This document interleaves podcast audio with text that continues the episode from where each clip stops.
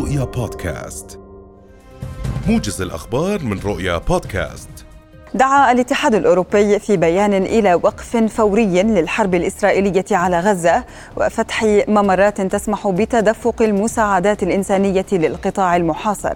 على وقع اتساع رقعة المظاهرات الشعبية حول العالم للمطالبة بوقف المجازر الإسرائيلية المستمرة في القطاع منذ 38 يوما. وللحديث عن الموقف الغربي من الحرب على غزة وأثر الضغط الشعبي على المجتمع الدولي والأوروبي نرحب بالمحلله السياسيه الاستاذه لميس أندوني من لندن. أهلا بك أستاذة لميس. أهلا بك. كيفكم؟ اهلين شكرا لك. بداية أستاذتي آه الانحياز المطلق الذي تمسك به العالم الغربي والرأي الدولي وما يشهده اليوم من حلحلة. إلى ماذا يعزى؟ يعزى إلى ثلاث أسباب. الأولى هي أو آه الأولى هي آه الفعل المقاوم وصمود المقاومة. الثانية هي بشاعة قباحة الجرائم الإسرائيلية على يعني على شاشات التلفزيون. يعني حتى المسؤولون الإسرائيليون كانوا يكذبون ولكن الآن كذب كذبهم ينكشف. بس هناك عامل كثير مهم هو المظاهرات الشعبية. المظاهرات الشعبية كان لها أثر ليس فقط على الموقف ولكن أيضا على السياسات الداخلية في الدول الأوروبية. يعني اليوم شهدنا في بريطانيا إقالة وزيرة الداخلية البريطانية بعد تهديدها لكل من يؤيد الفلسطينيين بوصفه إرهابيا ومحاولتها منع المظاهرات. يعني ومثلا مدير الشرطة رفض كل كل أوامرها بمنع المظاهرات. آه ثانيا آه يعني واصلا هو الموقف الغربي متأثر بالموقف الأمريكي للأسف. والأمريكا تريد فقط كانت تريد أو ما تزال تريد تريد أمريكا إعطاء وقت كافي لإسرائيل لإتمام مهامها مع أنه أهداف إسرائيل تتغير كل يوم لكن هذا ما تريده لذلك لا تريد وقت إطلاق النار. تتحدث عن هدن إنسانية، الهدنه الإنسانية كثير مهمة لكن ال ال تتوقف يعني على هي مهمة لكن في ظل الاستمرار الاعتداءات الإسرائيلية على المستشفيات يعني هناك فقط مستشفى واحد يعمل في في فلسطين. هو المستشفى المعمداني مع أنه تم قصفه وهو بحالة مزرية. فكل هذه القصص تكشفت للعالم ويزداد عدد المتظاهرين كل يوم حتى في أمريكا بين اليهود الامريكيين ف وأشكال المظاهرات وأشكال الاحتجاجات تعددت يعني محاولات لإغلاق المنافذ أو الطرق على مصانع إلى مصانع الأسلحة في بريطانيا التي تزود إسرائيل. رفض الكثير من عدد من الاتحادات العمال تحميل السفن المتجهة إلى إسرائيل. كل هذه إغلاق محطة Central Station قبل أسبوعين بفترة. هنا تم إغلاق محطتين لفترة. كل هذه يعني الأشكال تتعدد و و وهي يعني إيه يعني لكن يعني تصوري إن اليوم فقط رضي قرر الاتحاد الاوروبي وقف إطلاق النار. حتى هذا القرار اسمحي لي أستاذة لميس نعم يعني, يعني, يعني هذا القرار كثيرا. نعم هذا القرار المتأخر هل تعتقدين بأنه جاء من الحكومات رضوخا لآراء شعبها أم أنه جاء بناء على سياسات لا نعرفها؟ تفضلي. طبعا لا لا أكيد. يعني هلأ أمريكا حتى نفسها محرجه يعني يتحدثون الاسرائيلي إلى ما يسمونه تخفيف الأضرار. الخسائر المدنية وهو طبعا كلام معيب لأنه يعني كما كأنهم يقولوا لهم اقتلوا 500 وليس ألف يعني أو عشرين ألف وليس خمسين ألف فلسطينيا يعني يعني معيب. لكن هذا يعني وقاحة الرد الإسرائيلي الرسمي والتصريحات الرسمية وما فيها تصريحات وكذب السخيف لرئيس رئيس دولة إسرائيل. طبعا أثر وخاصة المنظمات الإنسانية لا تصدق الإسرائيليين أصبحت لا تصدق الإسرائيليين. لكن التأثير الشعبي طبعا موقف الدول العربية أثر وإن كان ليس كافيا لكنهم إصرارهم على وقف إطلاق النار وعدم إدانة حماس وعلى أساس أنه السياق هو أكبر من سبعة يعني بدأت الحرب بدأ المشكلة لم تبدأ. آه، في 7 أكتوبر. آه، هذا أثر أيضا مع أنه طبعا الموقف العربي قاصر لكن أنه حتى آه، أنه البيانات العربية تمسكها أغلب الدول العربية بإنه وقف إطلاق النار الفوري طبعا اثر لكن الاحتجاجات تؤثر بشكل جدي. لن توقف الحرب لم يعني آه، لن توقف لأنه هناك حاجة إلى قرار أمريكي أيضا. ولكن ازدياد عزلة إسرائيل. يعني راينا في هيئة الأمم؟ هيئة الأمم لها علاقة. أو عندما تصويت تصويت الهيئة العامة قبل أسبوعين آه، كانت إسرائيل وأمريكا معزوله في التصويت.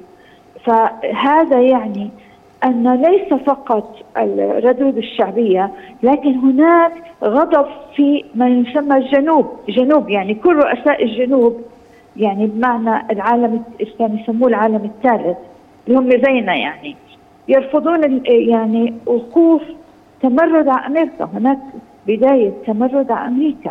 كله كل هذا تغير كله هذا نتيجة آه، الجرائم الحرب الإسرائيلية غير مسبوقة بكثفتها مش في إسرائيل هي ترتكب جرائم الحرب من من قبل 1900 من منذ بدء الحركة الصهيونية وتحركها في فلسطين. نعم أستاذة لميس نعم. كثافة آه، وفداحة أثرت ليس فقط على الشارع الغربي لكن هذا يؤثر أيضا على الشارع الغربي الغربي عندما يرى أن العالم ما يسمى بعالم الثالث إحنا هي تسمية لا ايدها بس لكنها بمعنى إيجابي. دول الجنوب التي كانت مستعمرة سابقا مثل دول إفريقيا وآسيا.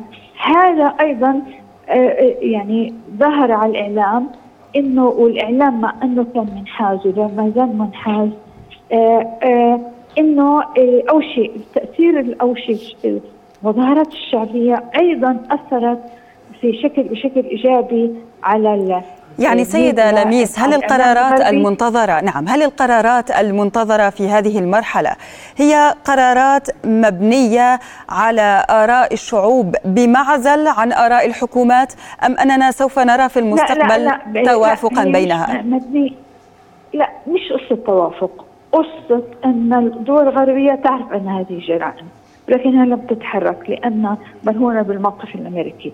لكن الموقف الشعبي يشكل ضغط كبير ويأثر على القرارات. ويوما بعد يوم نرى تصريحات مثلا تصريح ماكرون.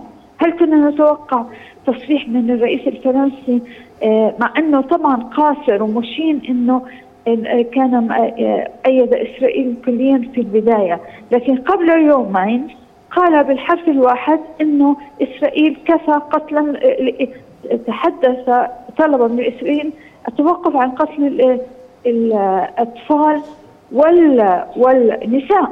هذا طبعا تأثير له تأثير الصور القادمة لأنه إسرائيل لا تخفي الصور حتى.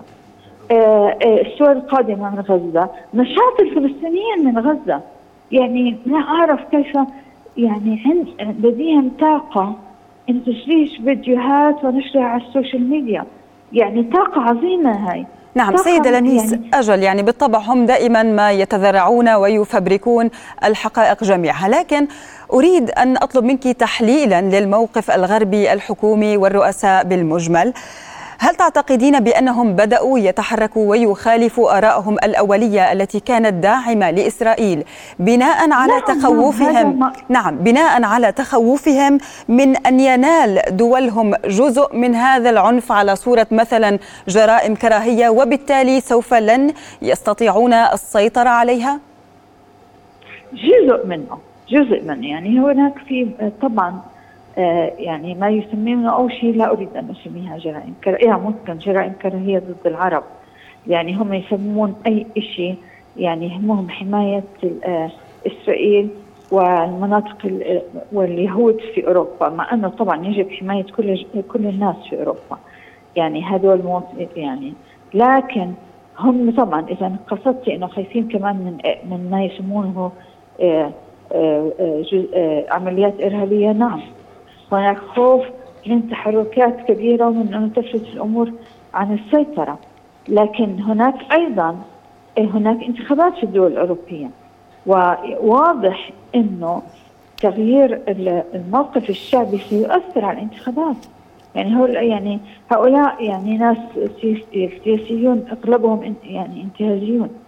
نعم يعني هم ف... يسعون لأجل مصلحتهم من منطلق يعني الحفاظ على الحشد الذي يتوافق صحيح. معهم بعض نعم. بعض المسؤولين مثلا آه، آه، موقف نائب رئيس الدنمارك مثلا رئيس وزراء الدنمارك يعني كانت قالت كلمة حق آه، لكن بالنهاية هي مصالح وبالنهاية لا يمكن تغطية الجرائم الإسرائيلية وبالنهاية الحركات الشعبية بالنهايه آه، آه، يعني تؤثر على نعم ونحن نأمل بالفعل أستاذة لميس أن تؤتي اكلها يجب أن يكون هو نعم. الأساس. نعم إن شاء الله يعني نحن نأمل ونسعى دوما لأن يكون الحق واضحا وجليا وهو بالطبع واضح وجلي. شكرا جزيلا لك الأستاذة لميس أندوني المحللة السياسية. كنت معنا عبر الهاتف من لندن. لك جزيل الشكر. طالب رئيس الوزراء الفلسطيني محمد الشتي الأمم المتحدة والاتحاد الأوروبي بإنزال مساعدات بالمظلات شمال قطاع غزة. كما طالب في كلمته خلال جلسة مجلس الوزراء اليوم فتح ممرات في القطاع وعدم اقتصار الأمر على معبر رفح فقط. نرفض إنشاء مخيمات مؤقتة للنازحين كما يطلب الجيش الإسرائيلي من المنظمات الدولية. نريد عودة أهلنا إلى بيوتهم التي شردوا منها. في تاريخ فلسطين لا شيء اسمه مؤقت فالتجربة علمتنا أن المؤقت دائم. من المؤسف أن بعض الدول لا تزال تنادي بحق إسرائيل في الدفاع عن نفسها. لا حق للمعتدي في الدفاع عن النفس. احتلال أراضي الغير ليس دفاعا عن النفس. نحن الضحايا ونحن الذين لنا حق الدفاع عن النفس. أطالب الأمم المتحدة والاتحاد الأوروبي إنزال المساعدات على قطاع غزة وخاصة الشمال بالمظلات كما حصل في تجارب مختلفة في العالم.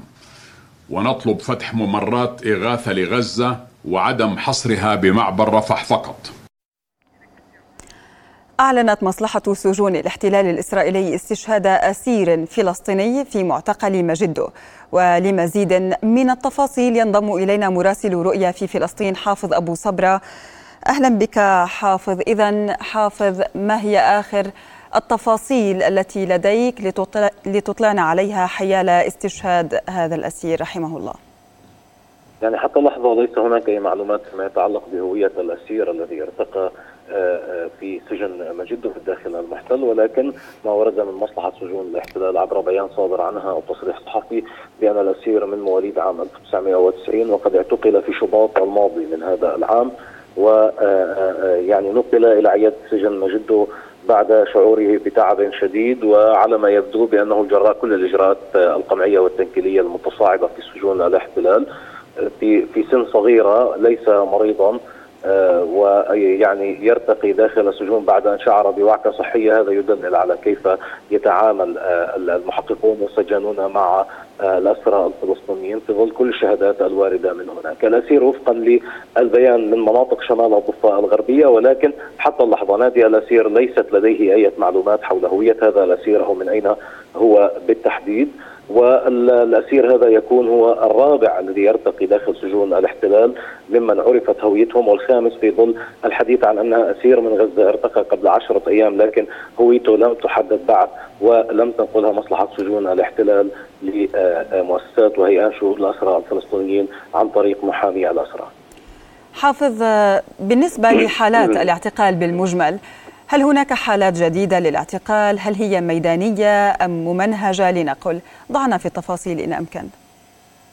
يعني حتى اللحظة آه، آه، لم يصدر بيان يوضح آه، عدد المعتقلين خلال الساعات ال 24 الأخيرة آخر الأرقام التي وردتنا جراء تسجيل كل مدينة أو كل محافظة على حدة تعدت ال 40 معتقلا فيما نتحدث عن 2400 معتقل منذ السابع من أكتوبر هذا رقم ضخم والإجراءات وعمليات الانتقام من الأسرى الفلسطينيين خلال مراحل الاعتقال والتوقيف ومن ثم داخل سجون الاحتلال.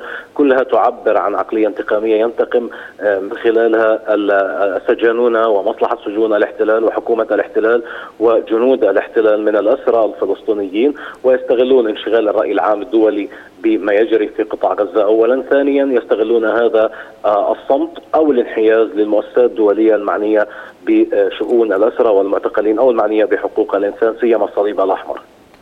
نعم حافظ شكرا جزيلا لك. كنت معنا عبر الهاتف من فلسطين لك جزيل الشكر. قال المدير العام لمنظمة الصحة العالمية تيدروس جيبيريسوس إن أكبر مستشفى في غزة توقف عن العمل وإن الوفيات بين المرضى في ارتفاع مع استمرار العدوان الإسرائيلي العنيف على قطاع غزة. وتحاصر قوات الاحتلال الإسرائيلي المستشفيات في شمال القطاع بما في ذلك مجمع الشفاء. وقال أفراد الطاقم الطبي إن المستشفيات تتمكن بالكاد من رعاية من بداخلها مع وفاة ثلاثة أطفال حديثي الولادة في حاضنات مستشفى الشفاء. فيما يواجه المزيد الخطر في ظل انقطاع التيار الكهربائي وسط اشتباكات عنيفة في المنطقة المحيطة بالمستشفى.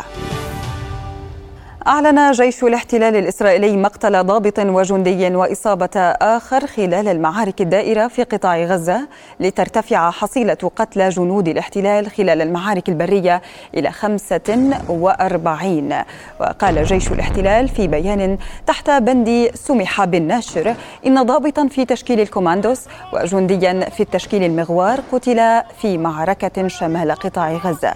وأكد المتحدث باسم جيش الاحتلال الإسرائيلي أن عدد قتلى الجنود الإسرائيليين منذ السابع من تشرين الأول بلغ 363 ضابطا وجنديا.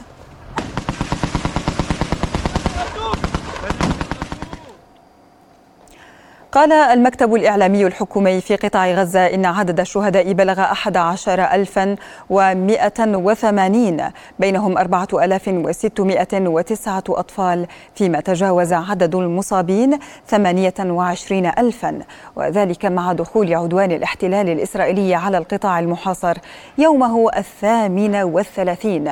وأوضح المكتب أن العدد الإجمالي للمجازر التي ارتكبها جيش الاحتلال الإسرائيلي بلغ 1000 1142 مجزرة وبلغ عدد المفقودين 3250 منهم 1700 طفل ما زالوا تحت الأنقاض.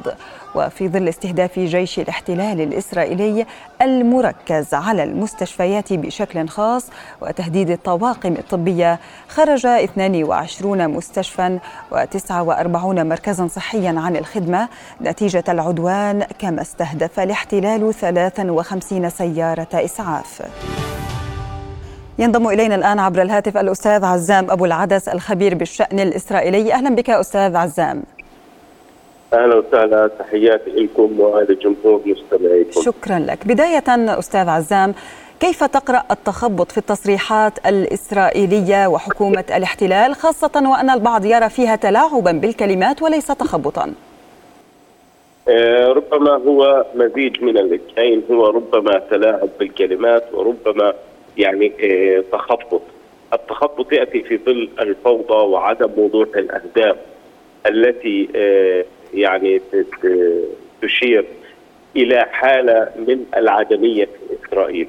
يعني آه، حتى الآن حتى الآن لا يوجد أهداف واضحة لا يوجد إنجازات على الأرض. يعني آه، أول امس نتنياهو عقد مؤتمر صحفي هو و آه، بيني جانس وجالنت وزير الدفاع ورئيس ائتلاف المعارضة ولم يقدما إنجاز واحد على الأرض. يعني نتنياهو الذي كان مولع دائما بالبرزنتيشن وتقديم العروض والخرائط وكان يحملها معه في كل خطاباته وأينما ذهب. نلاحظ بأن ذلك قد غاب كليا عن خطابه. بدا زائغ البصر مرتبك. حتى الآن لا يوجد هدف لا يوجد أهداف. يعني على سبيل المثال آه لم يقدم حتى الآن اغتيال قيادات كبرى في المقاومة وتحديدا في حركة حماس والقسام. آه لم يحصل على صور استسلام عشرات مقاتلين قسام رافعين أيديهم والراية البيضاء ويلقون أسلحتهم آه حتى الآن لم تتوقف الصواريخ وبالتالي لا زالت صورة الانتصار بعيدة. الإعلام العبري على ما يبدو بدأ يتململ وبدأ يتحدث بأنه حتى الآن يعني لا توجد انتصارات واضحة بالرغم من أن حركة حماس تلقت ضربات قاسمة وبالتالي هنا أيضا جزء من التناقض. فبالتالي يعني كل ما يقوله الإعلام العبري ويقوله نتنياهو هو عبارة عن تناقضات. يعني على سبيل المثال كنت قبل قليل أستمع إلى استوديو تحليلي في إحدى القنوات العبرية. قالوا بأن حركة حماس في شمال قطاع غزة قد قضي عليها. وأن يعني التي تقاتل الآن هي مجموعات منفردة ليس لها اتصال بالقيادة. وبعد خبر أو خبرين قالوا بأن هناك اشتباكات عنيفة جدا تدور في كل أنحاء مدينة غزة. هذا التخبط وعدم الوضوح الذي تعيشه إسرائيل بسبب ضبابية الأهداف. الأهداف التي حددتها إسرائيل غير قابلة للقياس وغير قابلة للتحقيق وبالتالي على ما يبدو فإن إسرائيل تغرق أكثر وأكثر في رمال غزة. سيد عزام اليوم يرى الجميع بأن المتهم الأول فيما يجري هو أمريكا. بالمقابل أمريكا تقول بأن تل أبيب تتخذ قراراتها بشكل مستقل تماما. هل هذا صحيح؟ هل لأمريكا اليد العظمى لنقل فيما يجري أم أن تل أبيب ونتنياهو بالتحديد يصر على إتمام هذه المهمة التي كما تفضلت ضبابية الهدف؟ يعني اولا في اللحظة التي نزل فيها بايدن وفي اللحظة التي نزل فيها بايدن في مطار بن غوريون ووضع نتنياهو رأسه على كتف بايدن وبكى بكاء الشاكي لأبيه في هذه اللحظة تحديدا نتنياهو وضع إسرائيل تحت الوصاية الأمريكية بمعنى أن من يدير هذه الحرب هي الولايات المتحدة الأمريكية. الولايات المتحدة الأمريكية الآن يعني هي التي تدير كل المعارك البرية في قطاع غزة وهي التي قدمت الاستشارات وهي التي أرسلت الجنرالات والقوات الخاصة. يعني هناك خبر بالأمس فقط بالأمس بأن هناك خمسة عسكريين أمريكيين قتلوا في تدريب في البحر الأبيض المتوسط أو في سقوط طائرة في البحر الأبيض المتوسط وعلى ما يبدو أنهم قتلوا في غزة. فبالتالي الولايات المتحدة تدرك تماما بأن سقوط إسرائيل هو سقوط مخططات أعدتها أمريكا لخمسة سنوات قادمة. يتساءل المشاهد العربي لماذا أمريكا محمومة بهذا الشكل على الانتصار على غزة؟ أختي الكريمة ما حدث في السابع من أكتوبر حطم خطط أو خطتين رئيسيتين للولايات المتحدة الأمريكية، باختصار الخطة الأولى كانت تقضي بإخلاء أو التخفيف من القواعد الأمريكية في الشرق الأوسط ونقل هذه القواعد إلى محيط الصين لحصار الصين وتشديد الحصار عليها. وبالتالي كان يجب أن تكون المنطقة كلها مطبعة، أن تكون المنطقة كلها في الحظيرة الإسرائيلية وأن تكون المنطقة تبع لإسرائيل بصفتها ستكون القاعدة الأمريكية الوحيدة في المنطقة. لكن ما حدث في السابع من أكتوبر دمر هذه الخطة وبالتالي أجل مسألة حصار الصين إلى أجل غير مسمى، مع العلم أن الولايات المتحدة الأمريكية لديها نقص شديد في عدد الجنود، عدد جنود الجيش الأمريكي في سنوات التسعين كان مليون ومئتين ألف جندي، الآن بالكاد يصل إلى 600 ألف جندي بسبب عزوف الشعب الأمريكي عن التجنيد في الجيش لأن التجنيد اختياري.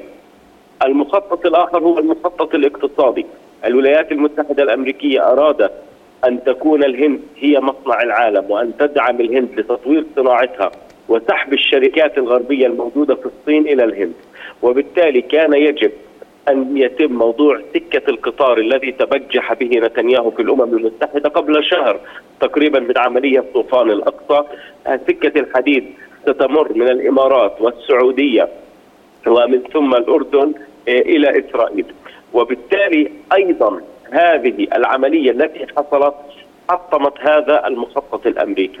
فبالتالي ما حدث في السابع من أكتوبر يعني لم يمس إسرائيل وحدها إنما مس الخطط الأمريكية.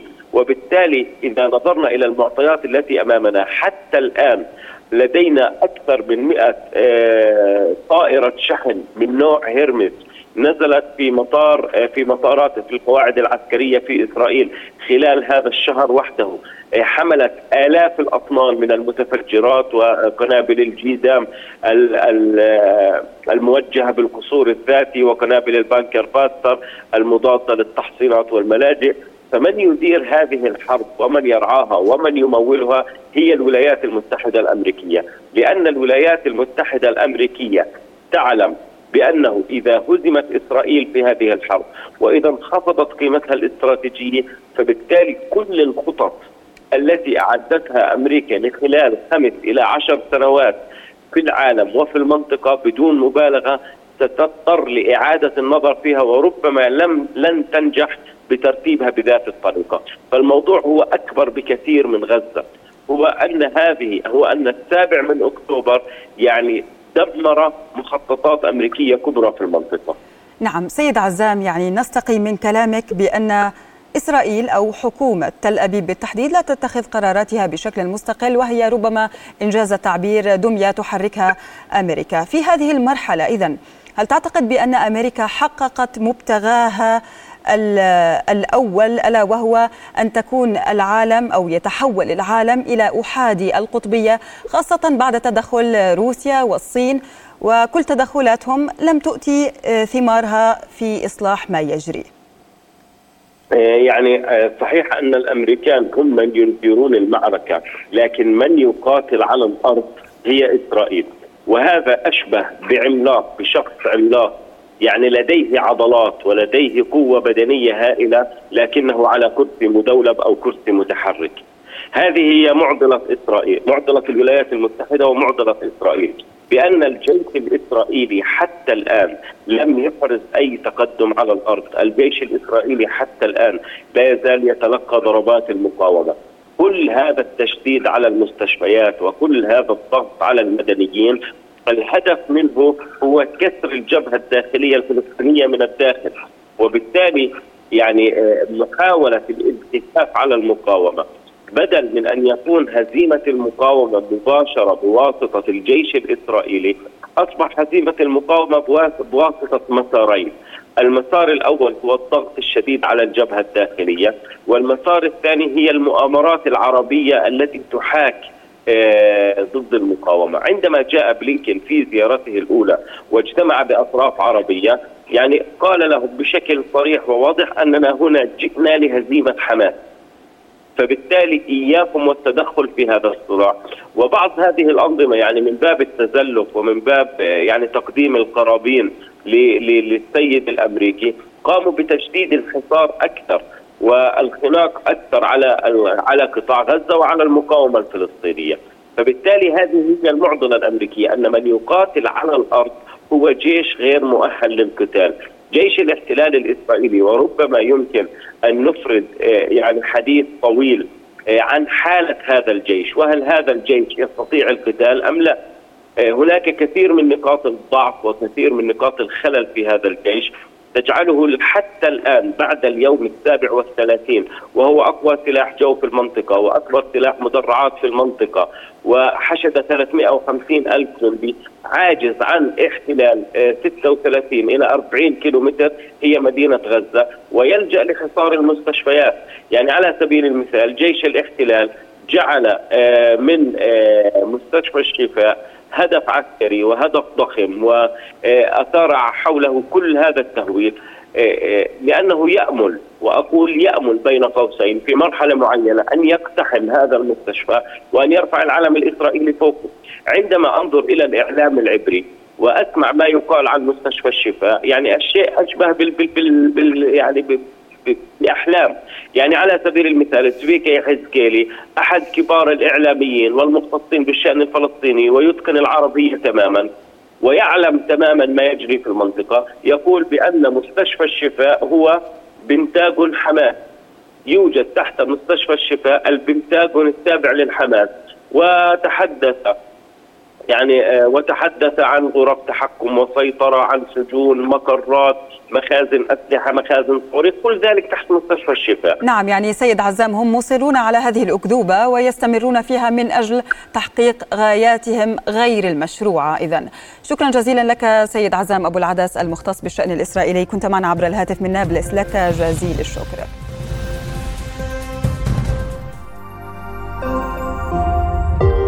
رؤيا بودكاست